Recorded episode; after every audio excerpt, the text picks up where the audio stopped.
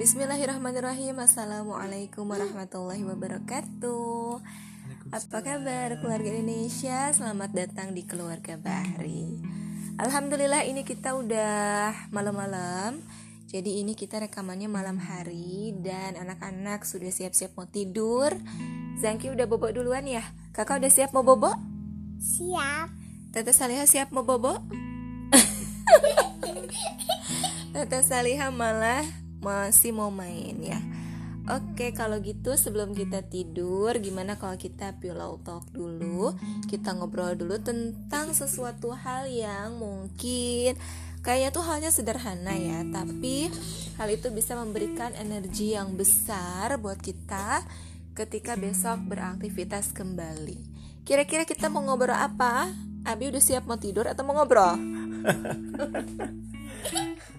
bingung nih mau bobo anak-anak belum siap Awalnya kita itu mau bikin podcast dan kita mau bahas sesuatu hal yang apa ya LGBT apa gitu kan segala macam. Tapi kayaknya itu terlalu berat dan bikin kita ngantuk ya nggak? hmm. dan kayaknya udah nggak bisa berpikir berat seperti itu. Jadi kita hari ini mau sharing aja hal-hal yang ya tadi ya seperti yang sudah dibilang mungkin itu hal-hal yang ringan tapi bisa memberikan efek yang besar dan itu bisa merefleksikan kembali ya untuk hari-hari kita. Apa Tete Saliha mau ngobrol apa? Oh Tete Saliha sudah siap mau tidur ya? Mau baca doa? Gimana? Bis? Bis?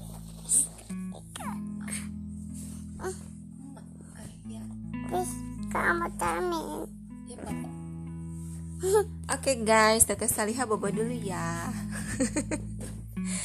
ya, jadi hari ini kita mau ngobrol tentang keseharian ya. Hal-hal yang mungkin udah kurang lebih hampir 2 tahun ya kita menjalani masa-masa daring, kerja daring, kemudian juga sekolah daring dan lain-lain. Tapi sekarang kan udah mulai PTM lagi ya. Dan ya back to reality, back to aktivitas lagi pertemuan tatap muka. Oh. Dan itu tuh ternyata bikin apa ya? Bikin suatu ritme baru lagi dan kita jadi shock lagi nggak sih buat mungkin buat Abi yang kerja dan buat Umi yang punya anak menemani anak-anak untuk sekolah dan aktivitas yang lainnya. Kalau dari sudut pandang orang yang bekerja kayak gimana sih? Abi PTM sebetulnya sudah lama. PTM tuh kalau kalau ketemu sama pekerjaan Abi kan ya Abi guru, kemudian aktivitas mengajar, yang ngedosenin mahasiswa. Kalau mahasiswa saya memang masih masih online ya, tapi kalau di sekolah memang baru aktif tuh satu mungkin dua bulan ke belakang ya full yaitu tiap pekan. Tapi kalau sebelumnya ya bagi pegawai atau pekerja atau guru yang seperti Abi yang office ya tetap saja masuk ya office hour begitu masuk jam 8 tapi memang ada ada apa namanya ada penyesuaian. Jadi kalau dibilang shock sih sebetulnya nggak terlalu juga ya karena sudah lama adaptasi kan adaptasi hidup normal. Cuman sekarang mungkin eh, adaptasinya lebih kuat karena mengaitkan dengan perilaku rekan-rekan kerja yang sudah bertambah. Kalau dulu office hanya empat orang lima orang sekarang sudah banyak sampai 20 siswa juga kalau pekerjaan habis sekarang siswa sudah mulai banyak masuk. Bahkan mungkin hampir 90% masuk. Itu sebetulnya sih nggak ter- nggak terlalu shock juga sih sebetulnya. Mm, kalau Abi sih nggak terlalu shock ya, tapi mungkin untuk teman-teman yang lain yang terbiasa WFH, biasanya bangun tidur langsung gosok gigi belum mandi, langsung pakai kemeja, bawahannya masih pakai celana boxer, langsung kerja depan laptop gitu kan, ya udah siap kerja gitu. Tapi ya namanya manusia ya, kadang lagi kondisi kayak gitu, kapan sih ini kita bisa kerja lagi kayak biasa gitu. Tapi ketika bekerja lagi seperti biasa malah aduh capek ya ternyata harus bangun pagi lagi terus harus rutinitas pagi lagi gitu mama juga sama sih sebenarnya.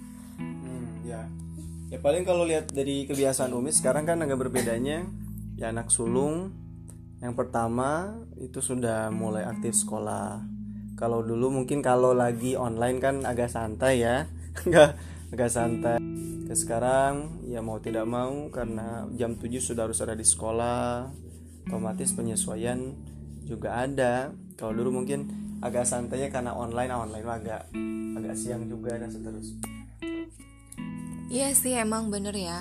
Dulu juga pas zamannya kakak Mahira masih bener-bener full online itu um, Sebenarnya sih nggak terlalu gimana ya nggak terlalu repot juga sih karena memang kan masih TK juga ya.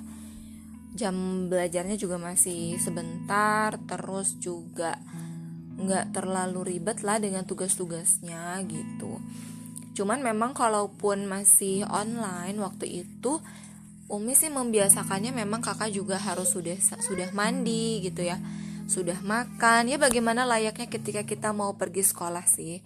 Jadi memang nggak terlalu ribet ya. Jadi sudah dibiasakan untuk pagi-pagi itu sudah ready untuk sekolah gitu walaupun itu di rumah. Jadi nggak ada tuh istilahnya misalnya mau sekolah tapi karena itu di rumah ya udahlah nggak usah mandi dulu gitu. Nggak sih alhamdulillah nggak nggak pernah kesiangan ya kak ya? Iya. Iya waktu TK juga nggak pernah kesiangan gitu. Nah jadi justru kalau Umi tuh ngerasa mungkin emak-emak yang lain tuh justru malah banyak yang ngeluh gitu ya. Ngapain sih daring-daring terus pusing? Udahlah mendingan sekolah tetap muka aja gitu. Kalau Umi justru kebalikannya, justru malah ngerasa udah ada di zona nyamannya online gitu. Udahlah, mendingan online aja, nggak usah tetap muka karena ngerasanya tadi yang kata Abi bilang gitu bahwa tatap muka itu ternyata lebih rempong gitu. Harus siap-siap, maksudnya kan harus siap-siap sih iya sih pagi-pagi, tapi maksudnya kan harus ada perjalanan ya. Yang pastinya di perjalanan itu berarti kita harus mempersiapkan waktu lebih lama lebih apa lebih cepat maksudnya gitu untuk pergi sekolah gitu. Jadi kalau Umi sekarang lebih senangnya online aja dulu. Meskipun ada plus minusnya sih sebenarnya. Kalau online berarti ya kita lebih santai untuk persiapan tapi lebih ribet gitu kan harus nemenin gitu ya.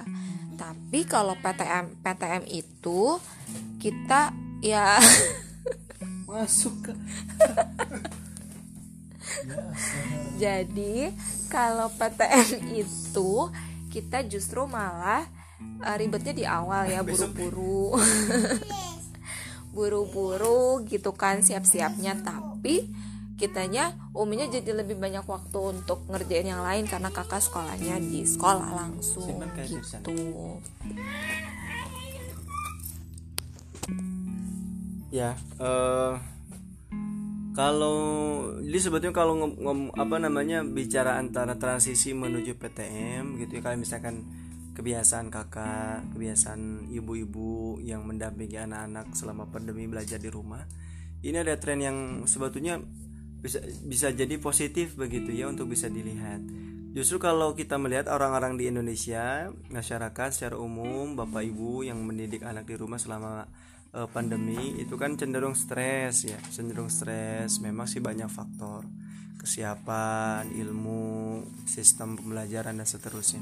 Tapi bagi negara yang maju nih di di AS misalkan sekarang justru dengan adanya pandemi ini uh, ada peralihan peralihan kebiasaan dalam pembelajaran.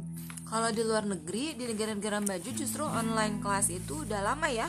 Sudah um, kalau disebut sudah ada yes. Tapi sebetulnya semua juga shock sama. Jadi tidak ada satu negara pun yang benar-benar siap dalam pembelajaran. Sebetulnya bukan pada siap di sini bukan pada sistemnya atau learning management sistemnya LMS tapi kesiapan mental.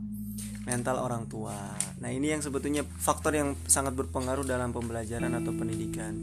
Karena kalau lihat dari pola kehidupan orang-orang di negara maju katakanlah Amerika di Eropa bahkan di Jepang ataupun di negara lainnya itu kan pola kerjanya sudah teratur ya eh, berangkat pagi pulang sore atau siang atau malam misalkan begitu. Dan yang menjadi permasalahan sebetulnya bukan pada LMS-nya learning management systemnya dari sekolah tapi kepada pengaturan mental orang tua yang pada awalnya tidak pernah bersinggungan dengan anak-anak dalam pembelajaran secara langsung uh, kemudian sekarang harus terlibat dan seterusnya. Sebetulnya ke arah itu saja. Tapi memang di Amerika itu habis sering tuh ikutan uh, apa namanya uh, tweet kemudian pokoknya podcast yang di luar itu. Justru sekarang orang-orang di Amerika orang-orang tua itu sudah merasa kerasan seperti yang Umi sampaikan tadi. Sudah merasa nyaman nyaman. ya?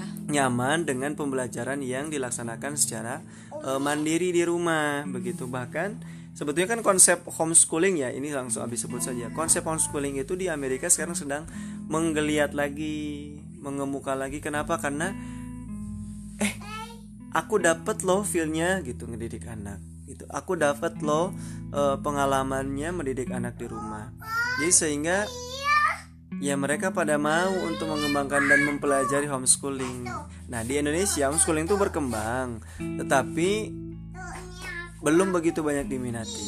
Ya, kalau Abi melihat Umi justru sebetulnya lebih nyaman kelihatannya homeschooling sebetulnya kalau lihat dari kakak. Karena dari tugas-tugas perkembangan katakanlah begitu ya dari tugas-tugas eh, belajar ini masih bisa dihandle kata kurang lebih gitu. Meskipun ada dinamikanya Umi mengelola emosi dan seterusnya anak tiga satu jaraknya juga tidak terlalu jauh dan seterusnya. Gitu mungkin Mm-mm, gitu ya. Eh, mungkin kalau apa homeschooling itu kebanyakan ya kenapa kakak? Ya begitu tuh salah satu contohnya ya kalau di rumah itu. Apalagi kondisinya ditambah dengan harus sekolah iya. dan iya teteh. Ya, dan tetehnya juga ingin ikut terlibat misalnya gitu ya. Ya. Nah, akhirnya jadi berkonflik gitu. Nah, kalau tadi ngomongin tentang homeschooling itu, mungkin salah satu alasannya kenapa belum banyak diminati adalah soal ijazah mungkin gitu ya. Karena Oh uh, enggak, ijazah sebetulnya sekarang sudah dimudahkan. Udah ya? Sudah dimudahkan. mungkin kurang teredukasi nggak sih orang tua itu belum ngerti kalau dari homeschooling itu nanti dapat ijazahnya gimana karena kan ya kita tahu sendiri ya uh, output dari pendidikan di Indonesia lah bisa kita bilang gitu ya itu kan salah satunya adalah dengan diperlukannya ijazah gitu sepintar apa pun kalau dia nggak punya ijazah akhirnya susah gitu Kalau kalau sekarang masalah ijazah sebetulnya masyarakat sudah banyak teredukasi. Cuman yang menjadi permasalahan di Indonesia pelaksanaan homeschooling itu di antaranya adalah pemahaman, pengetahuan, dan aplikasi pembelajaran selama di rumah. Artinya kalau kita memilih homeschooling, otomatis ada yang harus dipilih dan dikorbankan. Memang homeschooling itu lebih bebas, kapan bisa kita mulai pembelajaran dan seterusnya. Tapi memang eh, cocok dipilih bagi pasangan yang punya concern, eh, misalkan Abi di ya bekerja di luar, Umi kan di rumah, itu cocok homeschooling. Kenapa? Karena ya mendampingi anak di rumah kan. Tapi bagi yang eh, ibunya eh ibunya apa namanya? Istrinya kerja suaminya kerja. Homeschooling nggak cocok.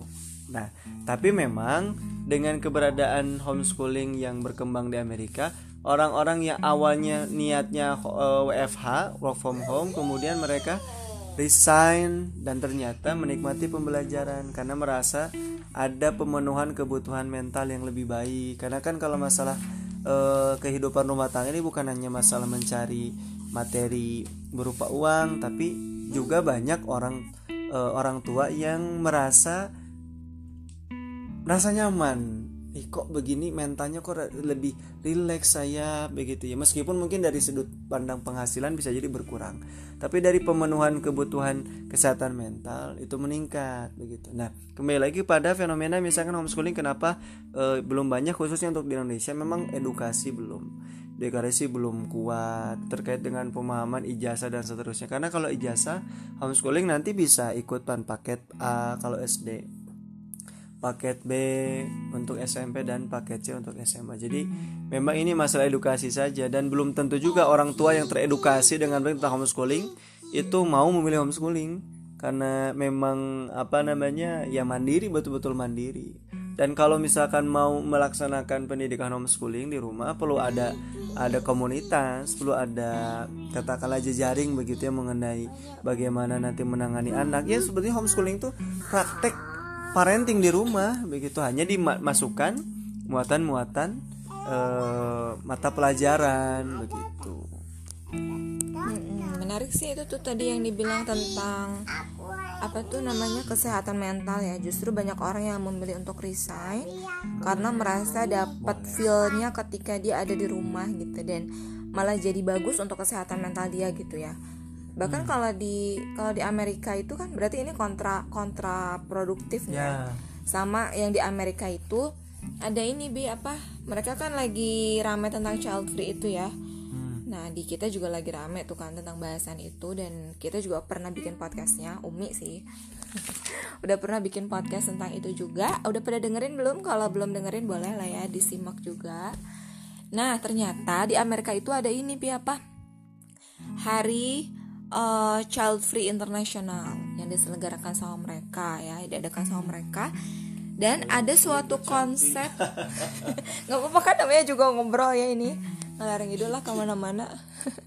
Jadi di situ tuh ada ini apa eh, konsep keluarga baru. Nah konsep keluarga baru namanya itu adalah double income no kids gitu. Padahal ternyata di satu sisi tadi dibilang sama Abi bahwa banyak orang yang justru memilih untuk resign karena merasa adanya kepuasan untuk kesehatan mental mereka ketika ada di rumah. Nah, itu balik lagi mungkin itu namanya manusia ya. Suka apa ya? Ada di posisi ini dia ngerasa kayaknya di posisi itu lebih enak deh. ya mirip Ada di posisi itu kayaknya posisi ini enak deh. mirip kayak di Indonesia lah kurang lebih lah kan karena fenomena child free ini kan eh, baru ya Indonesia mah baru muncul ya menguat begitu jadi orang mah udah ke mana kita baru di sini gitu Maksud Om itu lebih ke apa ya? Eh ya tadi kalau dikaitkan dengan kesehatan mental gitu ya. Kadang nih Umi nih sebagai emak-emak gitu ya. Kadang suka ngerasanya, ih kayaknya enak ya jadi wanita karir gitu, kerja nggak usah harus selalu full 24 jam sama anak-anak gitu. Ada ada waktunya kita untuk bertemu sama orang lain gitu. Nah, itu kan bisa mengurangi stres kita. Padahal kata orang-orang yang kerja, ibu-ibu yang kerja juga kan mereka juga berpikirnya eh, ah enak ya jadi ibu rumah tangga gitu. Bisa bisa banyak istirahat, bisa ngelihat tumbuh kembang anak secara optimal, secara maksimal sehari-hari gitu. Meskipun kalau tadi dikaitkan sama child itu tentunya keliru ya kalau mereka sampai ada konsep double income no kids gitu. Cuman maksudnya tuh jadi ya itulah ya. Nah, itu pun ya Bia termasuk salah satu hal yang jadi PR sih buat ibu-ibu ya. Buat emak-emak yang mendampingi anak-anaknya belajar di rumah. Yaitu salah satunya adalah untuk tetap menjaga kewarasan atau menjaga kesehatan mental dari emak-emak itu. Gitu. Jadi kalau misalnya tadi tuh ibu-ibu atau mungkin bapak-bapak juga mungkin ada yang awalnya itu berkarir ketika harus dipaksa menemani anaknya di rumah justru malah menemukan kenikmatan. Nah, bisa jadi buat emak-emak yang dia emang full ibu rumah tangga, karena itu memang adalah hal yang rutinitas dia lakukan, bukan hal yang baru, justru malah dia merasa ini nggak baik buat kesehatan mental dia gitu. Gimana tuh? Justru malah dia ngerasa bahwa ketika dia ada di dalam rumah itu gak baik untuk kesehatan mental dia karena dia malah justru tidak menikmati misalnya gitu. Nah, beberapa tips, beberapa tips yang bisa saya bagikan karena hmm, itu juga masih jadi PR ya buat Umi ya buat Abi gitu kan buat kita berdua dalam mendampingi anak Abi dengan tugas-tugasnya di luar sebagai seorang suami, sebagai seorang kepala sekolah, sebagai seorang pegawai, sebagai seorang pekerja gitu kan di luar dengan permasalahannya, tapi tetap harus mengurus anak dan juga mendidik anak. Pun begitu Umi gitu ya dengan aktivitas-aktivitas Umi, ya tetap kan tugas utama kita adalah membimbing anak. Kalau Umi itu salah satu cara untuk membuat apa ya lebih nyaman gitu ya terus juga lebih rileks lagi dalam membersamai anak itu adalah beberapa hal ya ada beberapa hal yang bisa kita lakukan. Yang pertama adalah kita harus memberikan waktu khusus untuk diri kita ya. Pasti emak-emak itu tahu dengan istilah me time ya. Jadi me time itu penting banget ya. Buat emak-emak buat ibu-ibu dan buat bapak-bapak juga kayaknya ya. Penting gak sih bi buat laki-laki me time itu? Ya banget dong. Banget ya. Penting ya. Sama aja sebetulnya. Cuman mungkin kalau bahasa mungkin ya kalau kayaknya me time itu dekatnya sama perempuan. Kayaknya emak-emak banget gitu ya butuh me time. Padahal bapak-bapak juga bapak-bapak juga sama. Perlu juga. Ya me time-nya itu bisa kita lakukan dengan sesuatu hal yang bikin kita bisa lebih apa ya bersemangat gitu. Dan coba dicari passion apa sih yang di situ adalah yang jadi minat kita gitu. Dan itu bisa bikin kita happy. Plus kalau bisa lebih produktif itu lebih bagus. Nah kalau saya nih salah satu caranya adalah dengan install Anchor, Spotify kayak gini terus bikin podcast. Nah itu ternyata termasuk salah satu juga bentuk dari me timeku dan bisa untuk mengurangi ya stres yang sedang dialami gitu. Jadi bikin podcast kayak gitu itu juga termasuk salah satu dari me time gitu karena memang uh, Umi senang gitu dengan dengan hal-hal seperti ini. Atau misalnya selain me time itu ya kalau kata Ustadz Bendri Jaisyur Rahman, Jaisyur Rahman, me time terus juga ada couple time. Ya, ini juga pernah dibahas sebenarnya di konten YouTube kita. Boleh dicari juga promosi terus ya. Keluarga keluarga Bahri Project. Di situ kita pernah bahas juga tentang couple time. Nah, couple time itu kita bisa curi-curi waktu ya. Kayak gini kita ngobrol atau family time juga nih bisa gitu ya. Jadi kita bikin podcast kayak gini sambil kita ngobrol atau misalnya kalau Umi sama anak-anak itu seringnya sambil bikin konten untuk berkisah. Gitu. Jadi kita ikutan komunitas-komunitas yang positif yang bisa ngasih challenge buat kita dan challenge-nya itu kita bisa kerjakan sama-sama bersama dengan keluarga, bersama dengan anak-anak, bersama dengan suami. Kita coba nikmati ya, kita bikin kontennya, kita upload, kita posting di media sosial kita. Itu bisa bikin rileks sih salah satu hal yang bisa kita lakukan. Gitu ya. Jadi silakan buat emak-emak di luar sana dan bapak-bapaknya diobrolin lagi mungkin gitu ya. Kita mau ngapain sih? Family time-nya kita mau ngapain ya? Apalagi lagi pandemi gini kan kita nggak bisa keluar ya. Di dalam rumah aja kita bikin konten-konten.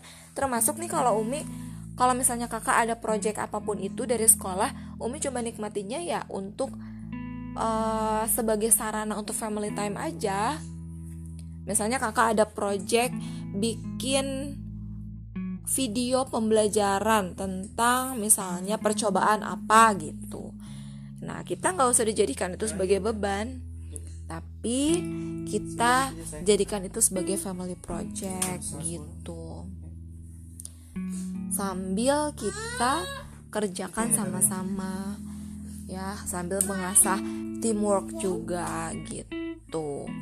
Itu mungkin ya yang bisa kita lakukan gitu untuk menjaga kesehatan mental kita selama membersamai anak-anak di rumah. Dan ini memang tugasnya long lasting ya. Nggak akan pernah ada ujungnya. Ujungnya adalah kalau kita udah meninggal mungkin gitu ya. Dan kalau kita sudah bersusah-susah berlelah-lelah hari ini dan akhirnya kita bisa memberikan ya hal yang terbaik untuk anak-anak. Insya Allah nanti di akhirat kita bisa menuai hasilnya. Gitu. Ya ini udah malam nih. Anak-anak udah waktunya tidur. Disuruh tidur malah buka lagi buku malah ngerjain lagi sesuatu. Kakak emang hobinya menggambar. Malah menggambar lagi. Eh, siap-siap tidur ya? Iya. Tete udah siap tidur? Iya. ya siap tidur ya oke deh kalau gitu ada lagi yang mau disampaikan gak Bi? sama tidur Oke deh kayak gitu ya untuk Pillow Talk hari ini. Sampai jumpa di konten berikutnya. Jangan lupa untuk disebarkan dan juga dibagikan kepada keluarga yang lain atau kepada teman-teman yang lain. Terima kasih sudah berkunjung ke keluarga Bahri. Nantikan episode berikutnya. Bareng-bareng yuk. Assalamualaikum warahmatullahi wabarakatuh. Selamat tidur semuanya. Jangan lupa baca doa dulu ya. Ya. Dadah.